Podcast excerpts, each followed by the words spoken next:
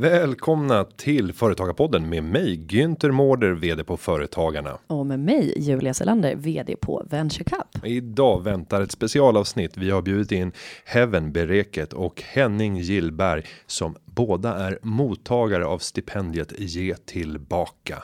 Vi säger varmt välkommen till Företagarpodden, podden som ska hjälpa dig som företagare att nå nästa nivå. Men vi börjar någon helt annanstans Julia. Mm, du har varit eh, aktiv i helgen kan man säga. Ja, jag ska inte. Jag ska inte säga i blåsvädret, men förra veckan eh, så fick jag vara med återigen ska jag säga om ett sånt här fall där man fullständigt så att säga, kidnappas av en rubriksättare.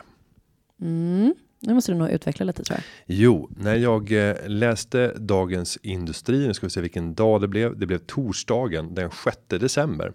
Eh, så har vi en rubrik, en helsida där jag täcker eh, halva toppen på sidan och Annie Lööf täcker andra halvan av sidan. Och så står det med stora bokstäver. Mårder hyllar Le, äh, Löv. Näringslivsprofilen tror på en S-politik närmare näringslivets vilja. Mm.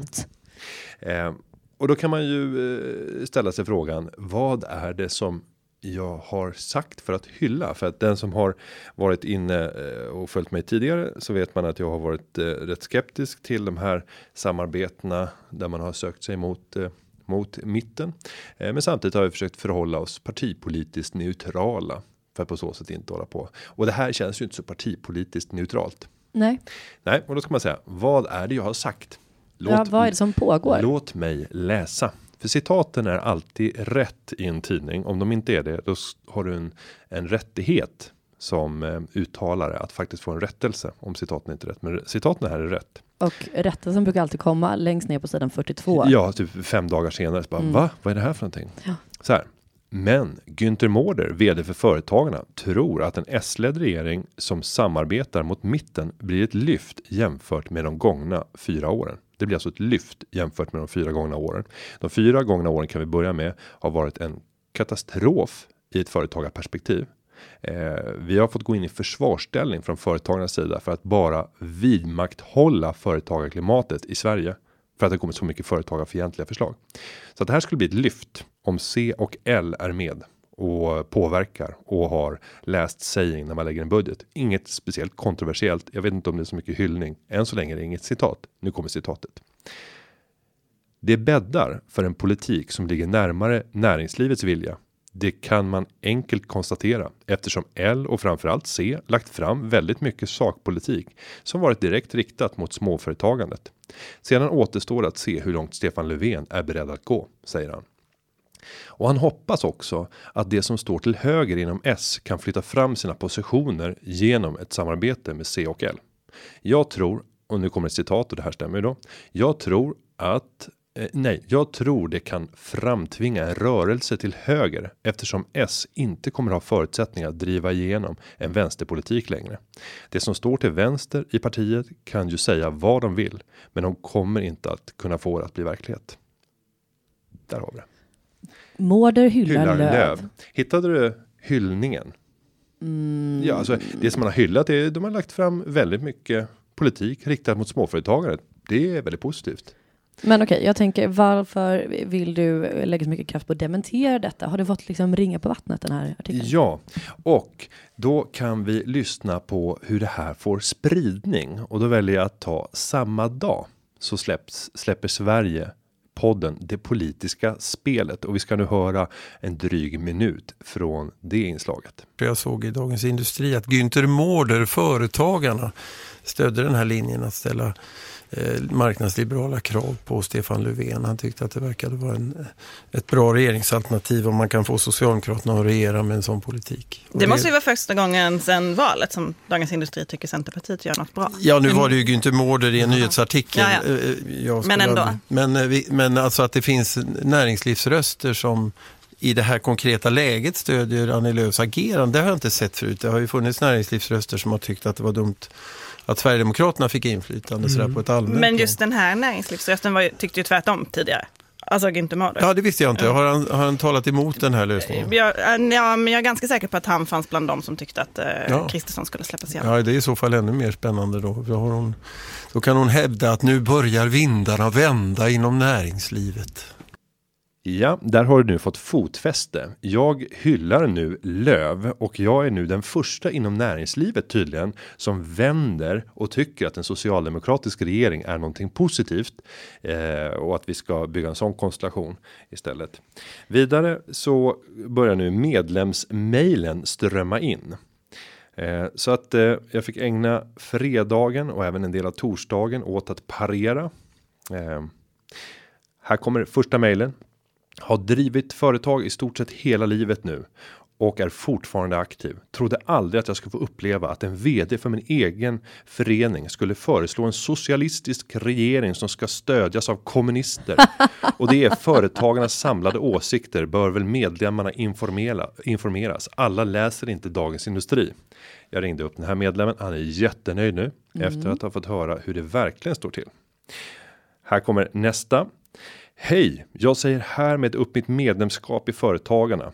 Det var med bestörtning som jag läste i DU hur Mårder gick ut att hylla Annie Lööf. Denna politiker har tagit Sverige som gisslan i över hundra dagar. Hyllar alltså Mårder.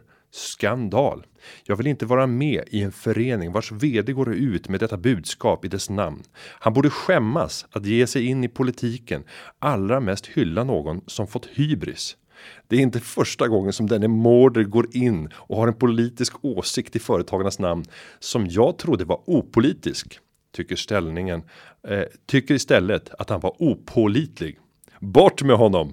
Har egentligen massor att skriva, men det blir nog bara meningslöst dravel. Ja, men det var väl också ganska massor som hen hade skrivit i det här mejlet. Men Byt till en icke-politisk vd.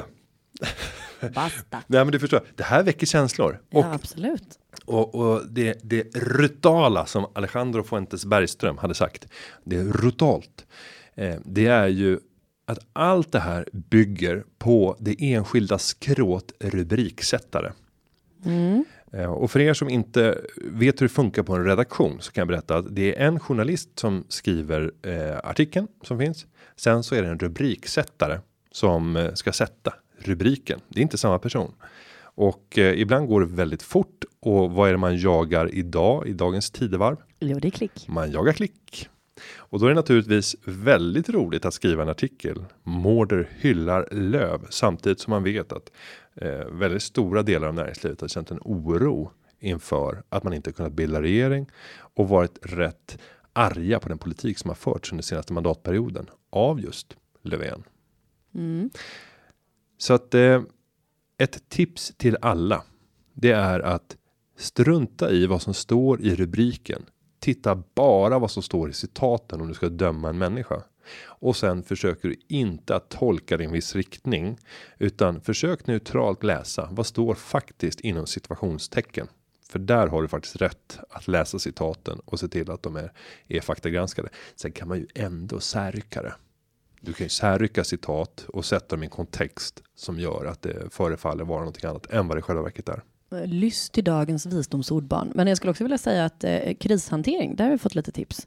Alltså att eh, händer något slags drev mot eh, er eller ert företag så eh, var kvick på att svara på mejlen. Ring upp de mest ilska personerna för då kan man till och med få eh, liksom allierade. Så att det, är, ju- det är ett bra medskick också. Ett annat bra tips. Det är ju också att spela in samtal som du har med media för att ha underlaget för att kunna veta vad är det vi egentligen har sagt. Så att jag brukar alltid ta för vana att spela in samtal om det är en journalist där du vet att du kan komma att bli citerad. Så att det är också ett väldigt bra tips. Och skulle du bli utsatt för Tänk så här uppdrag granskning. Nu är det en helt annan sak, men om Uppdrag granskning skulle komma på besök eller Kaliber från Sveriges Radio eller liknande. Se alltid till att även filma och spela in själv. Så att har du någon som filmar dig, filma då också själv för att på så sätt kunna lägga ut den oklippta versionen. För jag har hört om väldigt många som har varit med. Nu, nu är det här helt särrykt från det här ärendet, men om vi tänker krishantering som generellt tips. Jag har hört många som har känt sig så orättvist behandlade för att man i de här granskande programmen har klippt sönder det och så förefaller man vara någon annan. Tänk alla dokusåpor där folk blir jätteledsna över att men så där är jag inte. De har klippt ihop så att jag förefaller vara på det här sättet. Tänk då om du hade haft den kompletta inspelningen och kunde lägga ut för att visa den verkliga bilden av dig själv. Mm. Tips från en uppeldad herr Ja, det mm. får man eh, faktiskt säga. Men nu tycker jag att vi ska eh, ta till oss dessa visdomsord såklart, men också välkomna in våra spännande gäster. Jag är så taggad mm, på att träffa dem. Heaven och Henning. Ja, vi eh, säger varmt välkommen till Heaven Bereket och Henning Gillberg in i studion. Då säger vi varmt välkomna till Henning och Heaven. Vilken eh, namnkombination. ja, det, lät nästan, det lät nästan som ett företag. Ja, ja. Vi är då konsulterna, företagskonsulterna, Henning och Heaven. Eh, men man kan väl också tillägga att utöver det så är ni även eh, årets stipendiater till Ge tillbaka. Grattis! Dun, dun, dun, dun, dun. Eh, det, det innebär ju att ni har fullkomligt vält eh, juryn eh, som eh, består av eh, väldigt mycket prominenta personer och sen jag själv. Jag tänkte precis, jag tänkte precis säga, ingår inte du i juryn? jo. Eh, Fantastiska människor. Ja, men vi ska förklara. Det var ett, ett nomineringsförfarande eh, där vi hade väldigt många nominerade och sen valdes det ut tio finalister och där var ni eh, två av de tio och sen fick de här tio presentera sig under en hel dag så fick man komma in för juryn ungefär som idolmässigt och, och presentera sig själv och mm. eh, sina projekt och vad man har gjort och varför man är en god förebild för eh, ungt entreprenörskap. Mm. Och ni, eh, ni tog oss med storm. Vad roligt. Ja. Henning tog ju, men jag träffade ju Henning. Men jag kom bäst överens med dig också av alla gänget där. ja, men vi två var de som stod utanför. Ja, jag skulle ju egentligen in först, men då kom Henning flygande så här. Pff, håret fram. Jag kom precis från Skåne. Det är jag som ska in först. Jag bara, okej. Okay. Nu har jag bara laddat upp här i tio minuter, men fine. Men innan ni får berätta eh, vad, vad, ni gör, vad, vad ni tror har gjort att ni har erhållit det här stipendiet. Eh, hur var den dagen? Att komma upp till Stockholm är ju alltid roligt för en eh, bonde. Ja. Det var ju häftigt, massa bilar och sådär. Nej men det var väldigt eh, gött att komma hit. Det var jag har varit i, i många olika sammanhang senaste året som jag är tacksam för. Och eh, företagarna, hela den sfären hade jag inte riktigt koll på utan jag hade mer börjat så här, allting i Sverige är väldigt så här, eller i Malmö är väldigt startup inriktat. Eh, och startupen är väldigt så här amerikaniserad tycker jag. Eh, och investeringar och hela kittet. Men sen när jag kom till företagarsfären så blev jag väldigt så här till ro på något sätt. För det var kavla upp armarna liksom och så, och um, hela den dagen var, fick jag smaka på den kulturen lite, tycker jag. Det gillar jag. Och även din känsla. Nej, men jag håller verkligen med. Det var eh, jag som ändå jobbat mest internationellt och inte alls i Sverige. Först nu, efter det här stipendiatet har det ju blomstrat otroligt. Um, så var det ju först också bara häftigt att få vara med människor som var lite likasinnande. Jag vet inte om jag förklarar det rätt. Men att få sitta med folk som har ett driv för sin, här, sitt företag eller sitt initiativ. Att sitta och prata med dem, man pratar ändå typ samma språk. Eh, även om vi var otroligt olika från varandra. Så bara för att vara den miljön eh, var väldigt häftigt. För oftast i min egen familj och vänner så är man ju som den knasiga som tror att man ska ta över världen och lite så. Så det var ju skönt att vara med sådana människor som kände samma sak, att allt var liksom möjligt. Men, men om ni nu ska få berätta om eh, vad ni tror har gjort att ni har erhållit det här stipendiet och en ledtråd då kan ju vara att beskriva lite grann vad ni har gjort i era verksamheter och de projekt som ni är engagerade i. Innan vi gör det bara, bara för att och jag behöver detta en måndag morgon. Mm. Hur många nominerade var det? 42 000. 42 000 var det. Ja, eh. Nej, men jag, jag, jag har inte koll på, nej, på antalet. Juryn, när juryn får det så är det ju 10 stycken slutfinalister. Nu har jag varit med. Eh, det här blev fjärde året jag har varit med och, och utsett stipendiaten och jag har inte koll på det totala numeräret, men jag har ju koll på kvaliteten mm. i de finalister som man har och där ska jag säga att det har stigit för varje år och jag tror att att era vinster i år kommer att göra att det blir ännu mer uppmärksamhet och därmed ännu fler nominerade och att kvaliteten bara successivt kommer att det kommer bli svårare och svårare att erhålla det här. Eh, så att det, det är en stor skara. Det är. Sen var det Stadshuset också, så Nobelfesten ligger ju, Mm, har en utmanare nu. det, definitivt. Visst fick ni också? Jag hade tyvärr inte möjlighet att vara där, jag var utomlands. Men ehm, det ångrar man ju nu. Men fick ni den här eh, alltså, dessertparaden också? Ja, Ja. Att de kom ner och så kommer liksom Ja. desserten för trappan. Jag på att säga av sig själv. Men de, det är Av sig själv. maffigt. Men vad kul, men ni måste berätta mer. Vi börjar med dig Heaven. Mm. Ehm, jag, jag startade ju något som kallas Bambino. Som startade som en välgörenhetsprojekt egentligen. Eh, men som blev en social enterprise, eller socialt entreprenörskap. Innan det blev ett hett ord. Um, och det var mest för att jag insåg att det är otroligt svårt att få folk att bry sig och donera. om man har stora liksom, aktörer som Unicef och Röda Korset som kör ganska, tycker jag, hemsk reklam för att få in pengar. Eh, och vill hitta en annan väg. Så då investerar jag i afrikanska startups, men framförallt så tradar jag på krypto och valutamarknaden och lär andra att göra detsamma. Och så har jag gjort nu. Nu är vi snart 900 personer som jag har lärt världen över. Alltså det är helt Och sen så sjukt. när de når sin, eh, jag har så mycket engelska i mitt huvud, vänta nu, önskvärda månadsinkomst, då donerar de 1% då till eh, Bambino. Så det är så vi har överlevt nu sedan 2011. Annars så hade jag nog, precis som många andra välgörenhetsprojekt, bara skippats ut. Och det vi gör är att vi betalar ju hälsovårdskostnader för barn då, i tre olika länder i Afrika. Wow. Och, och- då får du berätta lite grann om vilka typer av hälsovårdskostnader är det ni tar? Mm. Ni har lite olika särskilda inriktningar. Ja, men det är ju liksom. Jag började med att det skulle vara just bara för rotavirus. Eh, men sen jag insåg att eh, folksjukdomar här i Sverige, typ som astma och diabetes, det är ju ingen folksjukdom i många andra länder, utan det är en dödssjukdom.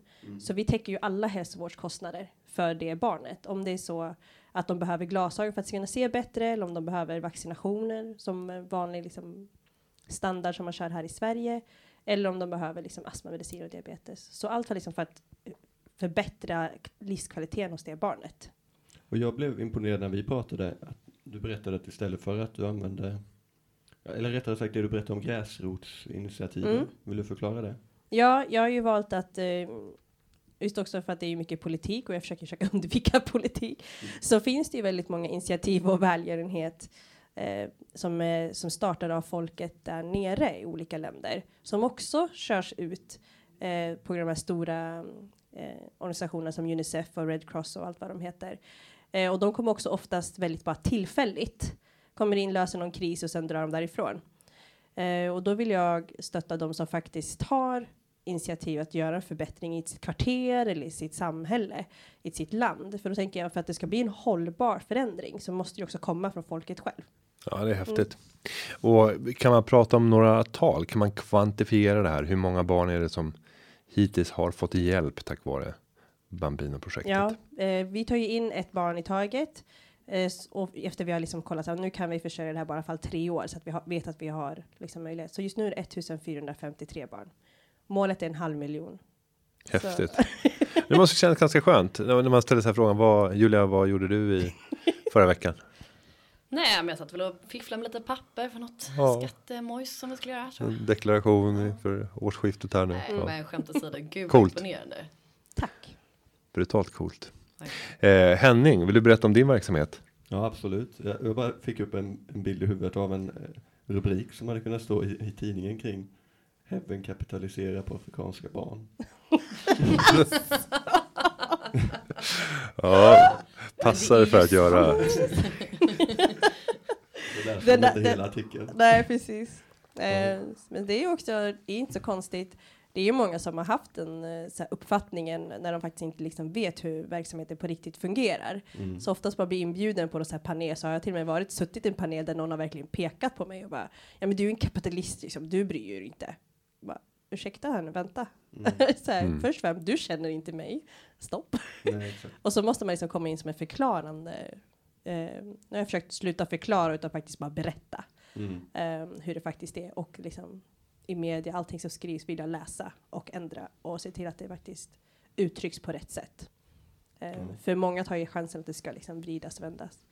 Och inte för att vara sån, men jag är också en svart och kvinna. Då är det liksom så ändå viktigt att vara lite försiktig hur faktiskt folk vill använda ens namn och vrida och vända.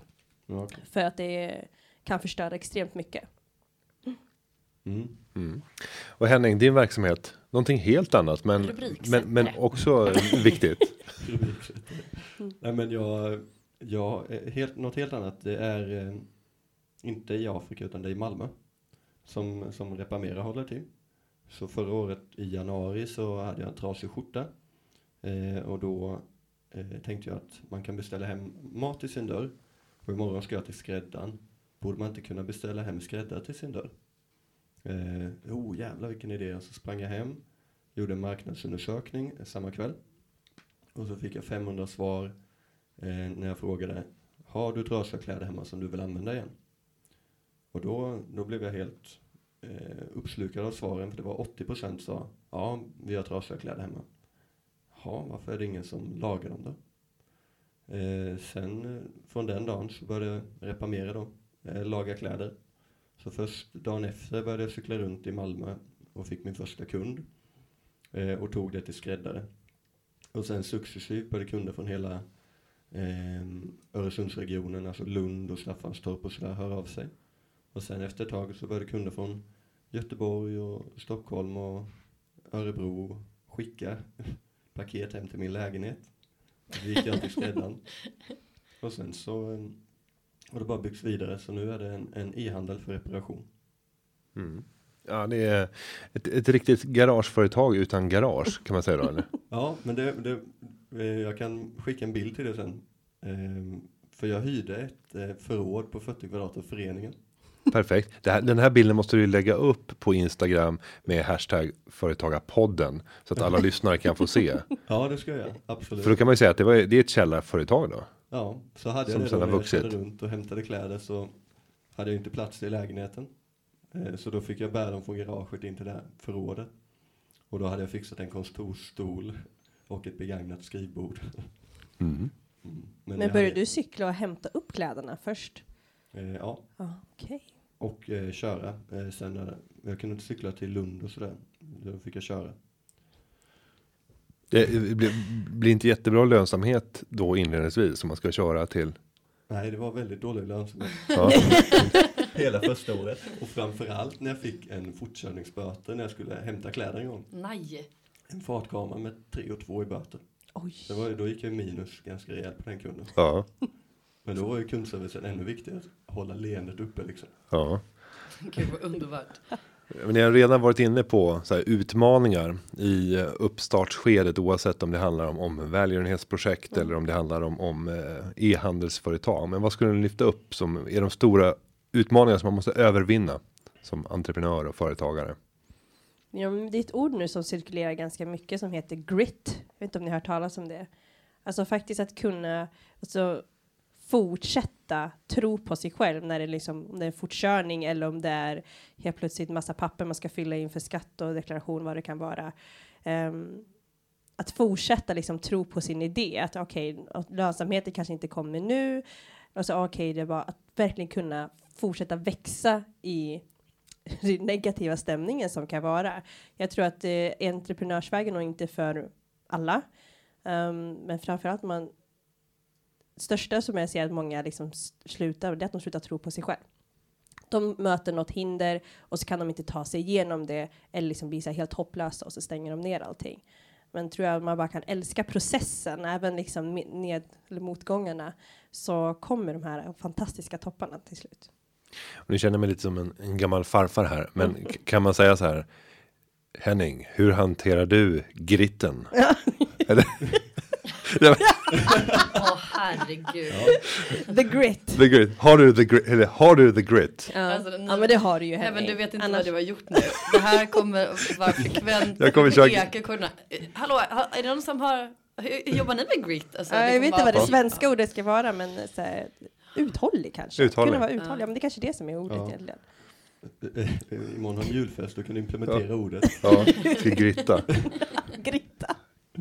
Ja, men jag, jag eh, tror att så länge jag har en vision, och vision och mission och där håller många på att prata. För mig är en vision en, en bild i huvudet på något sätt. Eh, där jag ser någonting och för mig är det att ha ett hus i Portugal. Jag vill ha en liten stuga i, i norra Portugal. Alltså. Det spelar ingen roll var, men det känns som att jag kommer ha det. Eh, så när det är väldigt traggligt och jag får en fortkörningsböter så tänker jag på mitt kära hus. Att det är lite längre bort tänker du då? Precis, nej men Ja. då tänker jag att om jag Det är värt att kämpa. Ja, det är värt Mm. att kämpa för jag vill ju ändå ha det här fina huset. Mm. Helt rätt. Och, och likadant, eh, dragit igång White Monday. Eh, som är motpolen till Black Friday. Och det inföll nu 19 november var det. Och då började jag med det arbetet i april, åka runt och här frukostseminarium och samla in idéer och liknande. Eh, och i maj och sen maj, juni, juli så höll jag på att traggla med detta och svara på mail och lägga till på hemsidan whitemonday.se och lägga till liksom alla företag och organisationer som står bakom konceptet. Och då höll jag ju på och tänkte, fy fan vad traggligt detta är liksom. Och så satt jag uppe till 9, 10, 11 på kvällen och höll på att svara på mejl som jag tyckte var helt bisarra ibland liksom. Och då var ju också den här visionen av, okej 19 november, då ser jag det här framför mig. Och då blir de här små höjdhoppen längs vägen inte så viktiga. Lite som att springa häck kanske. Mm. Men, men eh, det var du som var initiativtagare till White Monday Mm. också. För det, det, ni fick ju enorm uppmärksamhet Mm. i, i eh, nationell media. Ja, verkligen. 25 miljoner exponeringar av hashtaggen. Och, och, och, och nästa sak, det var ju årets julklapp. Alltså att, att, att vinna årets julklapp när man inte ens har en, en eh, homogen produkt som man kan sälja. Ja. Eh, hur var det? Så årets julklapp var ju den Alltså, begagnade. Det återvunna Åter- plagget. Återvunna, okej tror Mm. begagnat. Och det är ju spot on i det här fallet. Ja, det- och det, det släpptes dagen efter White Monday, så Resumé skrev en artikel att White Monday ka- kan ha knuffat juryn i den riktningen. Det tycker jag också. Ja. Jag tycker vi bestämmer det. Men förutom att ni har fått exponering så måste ju jag få säga att det har ju även synts i, fol- alltså i företags siffror när det kommer till e-handel. Mm. Um, nu säger jag inte vem, men när man liksom sett alltså 25% minskning av ordrar på e-handeln. Just det, den måndagen. För Ja. då blev fler inriktade på det. Eh, det är ganska kraftigt, alltså det, det är så här kalla till ledningsmöte. alltså det är Mm. så här, vad är det som händer? Man blir lite orolig. Så det är ju förutom exponeringen så också det faktiskt en impact på Mm. folk. Jo, men fan vad, vad glad jag blev att du säger det. För vår e-handel då som reparerar saker, alltså en cirkulär e-handel, Mm. som tjänar, inte tjänar pengar, skapar tillväxt, ursäkta mig, skapar tillväxt eh, utan, utan att kräva nyproduktion. Vi ökade vår försäljning Mm. väldigt mycket på White Monday. Vi slog nytt rekord. Alltså, det var fler än någonsin den dagen som ville laga sina kläder. Mm. Och du berättade om ett företag då som eh, en fjärdedel av deras normala måndagar minskade deras försäljning med. Mm. Med 25 procent. Det tyckte jag var så här. Då skrev jag till dig. Jag bara wow. alltså det är, Och, och, och, sen, och sen ska vi tillägga att, att vi har ju en hel del lyssnare som just driver e-handelsföretag. De sitter nog inte och jublar lika mycket nu. Så bara, jag ska ge mig på den där Henning. ja, men då tänker jag så här. Inte att ge, ge sig på Henning, men framförallt att se, se hur vi kan göra på ett annat sätt. Mm. Alltså det, det jag tycker att det, även om det är ny konsumtion när man säljer på sin e-handel eller vad det nu kan vara, så kan man fortfarande liksom vara med i rörelse på något sätt och se hur man kan eh, förbättra sin e-handel eller kanske erbjuda på ett annat sätt, ge mig information. Jag vill ju implementera blockchain-tekniken hos den här killen bredvid mig här, Henning. så här, där man bara får göra liksom ett aktivt val, bara att göra ett mer aktivt medvetet val innan man köper nytt eller ska man köpa nytt. Det är ju inte fel, bara att vi måste bara tänka Ja, bättre. och, och det du säger med att tänka nytt, alltså en cirkulär ekonomi är en ekonomi utan avfall. Det är inte en ekonomi utan konsumtion, utan en ekonomi utan avfall. Så företag som säljer nyproducerat, om de tar hand om avfallet, eller om de hyr ut produkter via sin e-handel, e-uthyrning, Mm. Istället för att jag ska köpa en eh, tvättmaskin som jag använder en gång i månaden, jag använder bara min tvättmaskin en gång i månaden, och klickar på en knapp, På riktigt. så kan jag hyra en. För varje gång jag klickar på knappen, då betalar jag. Och då om den går sönder, precis som man har en hyresrätt, då kommer det hem någon och lagar tvättmaskinen. Och det innebär att företagen i vissa fall tar ansvar för avfallet. Detta innebär i sin tur att företag vill producera produkter som håller i 200 år. För då minskar de sina produktionskostnader. Men de kan hyra ut produkten i 200 år. Och det är en cirkulär ekonomi, Mm. eller en delningsekonomi som det också i vissa fall leder till.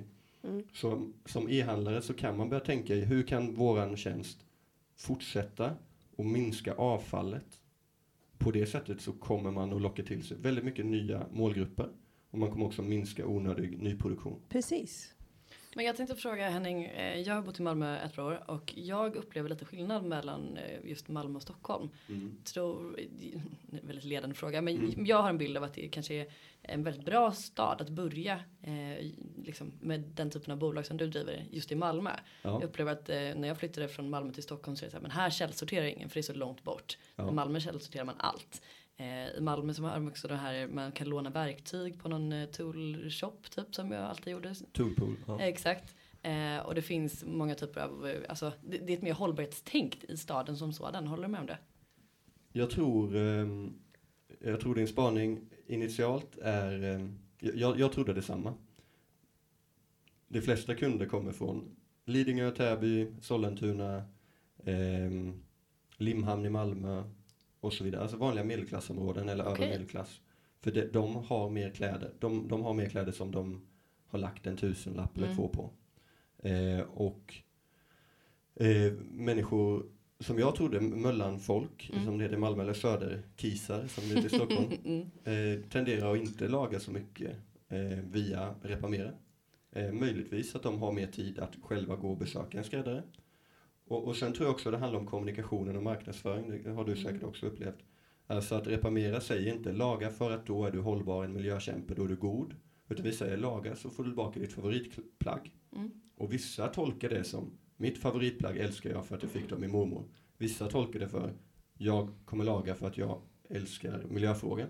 Så alla får, får tolka det hur de vill, varför man ska laga. Vi säger bara du får tillbaka ditt favoritplagg. Eh, och på det sättet lockar vi mer än bara de som anser att hållbarhet är det viktigaste. Ehm, för vissa anser att det inte är det. Liksom. Så då, då, och det, jag tror det med. Vad tror du med Mm. Men jag tänker att du också kanske har gjort det till, tillgängligt på ett annat sätt. Mm. Tänker jag. Alltså, jag som är uppvuxen i Norrland, där sydde man ju sina kläder själv. Det fanns inga skräddare att gå till. Alla kunde sy. Det, Ja. Men, men hur marknadsför du eh, Bambino? Alltså hur får du med eh, både, både de som eh, vill bli valuta Mm. eh, traders och hur, hur får du med eh, gräsrotsinitiativen i de här länderna? Alltså gräsrotsinitiativen är ju, där är ju inte, ser det inget problem att få med dem.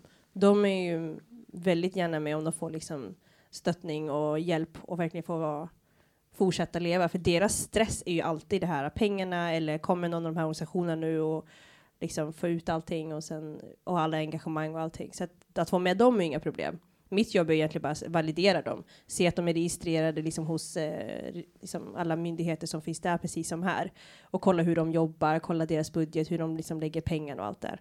Jag vill bara eh, gå in där. Gå du in säger där. att det är inga problem, Nej. säger du. Och Mm. du är ju väldigt duktig på det du gör. Mm. Men jag tror att gemene person i, i världen som försöker få med gräs, gräsrotsinitiativ i flera Mm. länder i Afrika Mm. kanske upplever det som svårt. Så jag tror att du gör någonting i din kommunikation som gör att det inte är några problem. Vad tror, tror du att det kan ligga något i det? Nej, men jag tror inte att det är något problem att få med dem. Ehm, jag går ju, just för att de är ju såklart tacksamma för att få liksom all hjälp som kommer. Men sen ställer jag också ganska höga krav på dem. Det, om jag ska liksom gå in här och supporta er, då vill jag att det är här, de här förändringarna som måste göras. Så att de får ju utvecklas. De känner att de kan växa. Och det tror jag alla människor som startar någonting får möjlighet till mentorskap eller vad det nu kan vara. Um, kanske det som liksom lockar. Sen tycker jag att jag är väldigt karismatisk som person. Så att det kanske det, min kommunikation handlar om det. Men när det kommer till traders så är det nog med att um, eftersom de flesta jag har utbildat det är afrikaner och afroamerikaner. Det är ganska utsatta grupper eh, som ofta söker annat sätt att leva på. Eh, många tror liksom inte, eller kanske inte förstår att vilken finansiell begränsning de faktiskt har i de här länderna. Även om de har ett bankkonto från en fransk bank i Etiopien eller i Elfenbenskusten så kan de fortfarande bara använda det där Visakortet inom liksom, landets gränser. Man är otroligt begränsad. Det som vi vet är att att vi kan liksom handla online eller skicka våra kläder till Reparmera, så här, men det går väl som, det kan man liksom inte. Fast du har ett bankkonto. Därför blir ju också att när man ger dem en möjlighet där de tjänar pengar tio gånger mer inom en månad än vad de någonsin har fått och kan handla helt plötsligt online. Kan köpa en biljett hur som helst och åka till ett annat land inom Afrika eller någon annanstans. söka det visumet eller vad det nu kan vara. Det är ju som, man öppnar ju upp hela världen för dem. Så det är inte så svårt att sälja in det, tycker jag, när jag pratar för dem. För att ehm, det är bara att kolla hela den här med kryptovalutan. Anledningen till att den kom upp, hela det där, det var ju för att folk i USA hade det otroligt kämpigt där med finan finanskrisen och man började söka andra alternativ. Och det är när man liksom är i det läget när man säger men nu har inte jag en chans att göra det jag vill göra. Och då börjar man ju som öppna upp sina ögon. Ja, men för, för jag, jag. jag har ju underleverantörer som är skräddare. Då. Mm. Och jag upplever att det är väldigt um, klurigt att kommunicera att ni kommer tjäna mer pengar på detta. Så jag ser det som ett... Ta in mig då som din ja, konsult. Ja, men det känns som det. så kan jag så, här, så kan jag se hur jag... Men jag är, jag tror min speciella är människor. Jag har ju alltid varit intresserad av människobeteenden. Hur människor beter sig, förändras, både i min omgivning, i någon annans omgivning. Jag kan ju verkligen, jag kan vara den här creepy människan som står och tittar på liksom folk när de ska möta varandra och så här. Hmm, undrar vad som händer här? Vad tänker den här personen? Alltså jag, jag kan tycka det är så här jättespännande. Och ännu mer spännande att försöka få den här människan att bli ännu bättre i sig själv. Ehm, så jag är jätteduktig på liksom att takta en människa, om du förstår vad jag menar. Om jag möter en människa så kan jag väldigt snabbt takta in Mm. och känna synkning med den här människan, känna någon gemenskap utan att ha sagt så mycket. Och sen liksom leda efter det. Mm. Det är ju en otro, otrolig talang. Så jag tror att det också leder tillbaka till den frågan du ställde för ett tag sedan. Okej, men vad är det som gör att eh, du lyckas förmedla? eh, I love people. Ja. Grymt. Och ni är verkligen, verkligen förebilder båda två. Så otroligt inspirerande. Jag tänkte, eh, nu ska vi se Henning, du sa någonting om att eh, när du eh, gjorde marknadsundersökning så fick du jättemånga svar, 500 svar. Mm, på några timmar. Och var någonstans lade du ut en marknadsundersökning? Hur gjorde du? För att den frågan brukar vi få ganska ofta så här. Men hur vet man då? Jag har frågat alla i min familj om det här är en bra idé och de tycker det. Mm, oftast så brukar de tycka det för att de vill supporta. Ja. Men hur, hur gör man? Ställer man sig utanför ICA och liksom har eh, olika lappar med svar? Eller vad, vad, hur gjorde du? Ja, men det spinner vidare på det här med kommunikation då. Mm. Så då, då tänkte jag att när jag gör, eller jag fick idén klockan sju på kvällen. Eh, jag vet inte om det var en tisdag eller någonting. I 12 januari 2017. Eh, och så snöade det ute och det var mörkt och så fick jag idén. Aha, skräddare, precis som matleverans borde man få skräddarleverans liksom till sin dörr. Så då gick jag hem, satt med mina ytterkläder och, och kängor och rock och sånt på och bara satt mig vid datorn. Ehm, och så skrev jag egentligen bara enkla korta ja nej frågor. Så bara, har du trasiga kläder hemma som du vill använda igen? Ja eller nej? Och sen så gjorde jag några så korta och enkla frågor. Så det var inget så här formulera dig själv eller något. Och sen så mätte jag hur lång tid det tog att göra den. Och så skrev jag på Facebook, hej, jag har en marknadsundersökning som tar 36 sekunder att göra. Eh, vänligen hjälp mig med det. Eller vill du hjälpa mig med det, bara klicka här. Slash Henning, jag hoppas du får en trevlig kväll. Och så började jag skicka ut i min chatt eh, till mina vänner. Och efter ett tag så kom Facebook upp så här, det verkar som att du spammar. Och då, och då tror jag av naturen att vi människor, när man har grit, då liksom hittar man lösningar. Så då började jag tänka, ja men då kan jag skicka ut i mina grupper. Och då har jag med så här klassgruppen och vi har en sommarstuga, den gruppen. Och så började jag skicka ut i olika grupper som är med. Och då började jag få in svar därifrån. Och då hade jag kanske fått in 40 svar. Och då satte jag upp en så här mål då, vision, eller innan jag går och lägger mig ska jag ha 100 svar. Eh, och sen knäckte, knäcktes idén av att just det, köp och säljgrupper, där finns det ju sjukt många medlemmar. Så då la jag upp en bild som att jag sålde eh, någonting liksom. Och så skrev jag, hej vill du hjälpa mig med marknadsundersökning om klädreparation? Eh, det tar 36 sekunder att göra, klicka här. Och, så, och då kunde man skicka det till, skickar man till en grupp kunde man bara klicka, vilka mer grupper vill du skicka till? Köp och sälj Stockholm, köp och sälj Malmö, köp, och då bara, Då kände du, jag är smart. ja eller så här, den långsiktiga får någon sorts belöning av naturen. Och då kom det bara in 500 svar och då kunde jag gå och lägga mig med samveten. Nice. Bra jobbat. Men, men om vi ska ge några tips till eh, personer som nu sitter och lyssnar och tänker att jag skulle vilja bli pristagare och erhålla stipendiet ge tillbaka. Vad är det man ska tänka på? Hur ska man få den där gritten? Uthålligheten. Att orka med att driva det där projektet, det här företagsuppstarten ända in i kaklet. Ja, det var en bra fråga. Ehm, jag tycker ju, även om man har hållit på så många år så här, känner jag att jag inte har liksom fulländat det här. Utan eh, precis som alla andra har jag också känslor och kan gråta. Och, och så nu, ursäkta att jag svär, men liksom skit, det där gick åt ja. Men liksom att kunna stanna upp. Jag tror liksom styra, lära sig att kunna styra sina tankar. Jag använder ju meditation och har gjort det liksom halva livet. Så för mig har det ju då liksom blivit att ja, jag kommer, jag känner de här, alla känslor som alla andra gör. Men jag kommer liksom inte till det fasen när jag säger nu ger jag upp och kastar i alltihopa. Utan jag låter dem som jag svälla över och som stoppar mina tankar. Okej, okay, vet du vad, nu tar vi en paus. Och som så här, klapp på axeln till lite så här. Så ta, ta en kopp kaffe eller någonting och sen tänker vi om, mediterar lite. Eller bara andningsövningar. Folk behöver inte göra sådana här.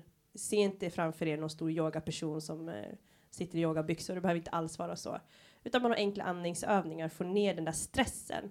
För när man har den där stressen, för det är det man upplever, så blir det också, också stopp i tankarna. Alltså du vet, du kan inte tänka logiskt, alltså allt, hela ditt perspektiv smalnar av. Så målet är att försöka liksom minska den där stressen på något sätt och då öppnas det upp liksom av sig själv. Och då kanske man hittar en lösning eller får så här, men just ja, jag har ju mm. glömt att fråga den här personen. Eller just ja, men gud, jag tar det här imorgon, det är bara att gå den här vägen. Men när man är i den där stressen och tillåter sig själv att vara i den där stressen, då kommer du inte hitta den där lösningen. Och vad lyssnarna missar här i studion är att det kommer en sån här Josis näve. Vad ska man kalla det? En fistbump. En fistbump. jo, Josis. Aldrig hört. Men det kanske Yo, bro. inte ligger före Även farfar. Yo bro. Yo bro. Josis. Sveriges Jo, men anledningen att jag gjorde det är för att i, i söndags hade jag en dålig dag. Mm. Inte i söndags, det var en vecka sedan kanske. Jag minns inte idag. Och då, ja, och då chattade jag hem och då så frågade jag, ska vi sätta oss och meditera ihop? Fast jag satt i Malmö och hon i Stockholm. Så då mediterade vi samtidigt. På eh, distans liksom. Där, därav brofisten. Ja. Varför gör vi aldrig det här? Du, du ringer aldrig mig och ber att vi ska meditera samtidigt. Eh, kanske för att jag tror att chansen att du skulle vara med på det är ganska låg. Du har inte ens prövat. Nej, men jag Alltså, göra det. det där tror jag är lite grann om entreprenörskapet. Du vet inte förrän du har prövat. Nej. Men Så nästa gång, pröva. mig, om jag, om jag verkligen, verkligen hade velat, då hade jag gjort det. Josis. Jo, nu kör vi. Josis. Nu vill vi höra om er nästa en upplevelse. missad. Gud, jag har aldrig känt mig så här gammal i hela mitt liv. Nej. Men det är lärorikt. pushar sina medarbetare att göra något de inte vill. Ovanligt. Nej men det är bra, vi ska köra en distansmeditation du och jag. Ja, det ska vi göra. behöver båda två. 25 minuter. Men jag, jag både tror och hoppas att lyssnarna har fått enormt mycket energi, lite nya idéer kring hur man kan skapa den här uthålligheten. Eh, finns det någonting ytterligare som ni skulle behöva skicka med till alla lyssnare av Företagarpodden innan vi beger oss ut i eh, den grådaskiga decemberkylan? Ja, jag vill svara på det Heaven svarade på också. Tips. Ja. Tips till den som eh, känner, oh, jag vill starta eget. Mitt tips är, eh, det är mycket som är så här, eh, lär dig fokusera och då skulle jag vilja säga, kapa distraktioner. Det är inte så lätt att lära sig saker, men det är lätt att göra sig av med aviseringen på mobilen och liknande. Ehm, och istället för så här, sälj mera så skulle jag vilja säga, ehm, hitta kunder liksom. Prata med människor och be dem fråga om de kan betala, inte bara ja, hitta kunder och sen så kommer ganska mycket lösa sig därifrån. För säg en kund, jag vill att du syr mina byxor smalare. Då kommer jag hitta en lösning till det. Eh, och, och om jag sen gör mig av med distraktioner så kommer jag hitta massa vidare eh, påbyggnad av detta. Liksom. Så hitta kunder och gör av med distraktioner så, så blir det frid och fröjd. tror jag. Ja, precis. Eh, bra tips och med tanke på hur hastigheten är för tillväxt av eh, distraktioner så kommer det där säkert att bara bli mer och mer nödvändigt att klara av att stänga av till följd av alla elektroniska enheter som bara pockar på uppmärksamhet där vi ständigt kan vara närvarande eller bestämma oss för att vara onärvarande överallt. Jag tänker att vi borde starta en eh, meditationsapp så man kan liksom sharea meditationen på ett effektivt sätt. Ja, ska vi göra det vi fyra? Ja, Ja. kanske. Ja, måste bara otippat. Ja, ja, vi gör marknadsundersökning. Ja, Skulle du köpa en meditationsapp som Günther engagerade? Bara, Det tar bara Nej. 36 sekunder. Ja, med det. Heaven och Henning. Stort tack för att du kom till Företagarpodden. Tack så hjärtligt för inbjudan. Tackar. Verkligen. Stort tack. Och där har de lämnat oss. Ja, tyvärr skulle man vilja säga. Det blev väldigt tomt. Alltså det var en sån energi i det här rummet och jag kände mig så vis och gammal. Eller inte vis, men gammal i alla fall. alltså, Ja.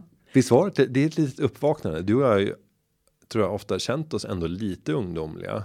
Jo, men när man, när man verkar i eh, företagsvärlden s- ja, så, så kan man ju känna sig ung ganska ofta, om man i alla fall är runt 30. Eh, men nu blir det tvärtom. Ja, Mm. Det är alltid eh, lärorikt. Nej, men det är otroligt inspirerande eh, människor. Herregud. Verkligen, Eh, och också så himla kul att se att de är så synkade. Eh, och det måste ju även ge tillbaka stipendiet vara en stor del av, tänker jag. ja, det var ju så de lärde känna varandra. Och nu har de gemensamma meditationssessions och allt möjligt. Ja. Nej, men eh, otroliga människor. Nej, så att eh, jag, jag vill bara återigen slå ett slag för att vara öppen mot andra människor. Se till att eh, komma i kontexter där du får träffa likasinnade.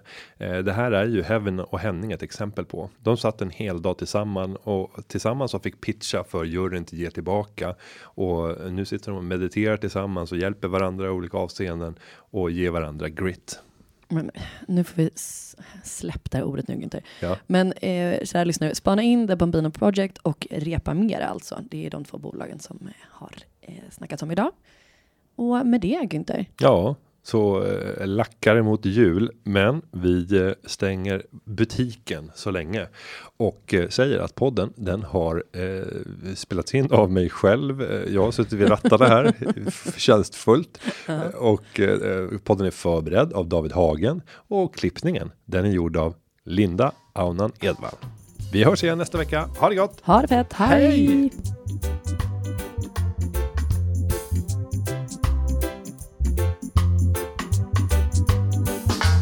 Företagarna, ja, ja, ja, ja, ja, ja. Företagarna, ja, ja, ja, ja, ja, ja.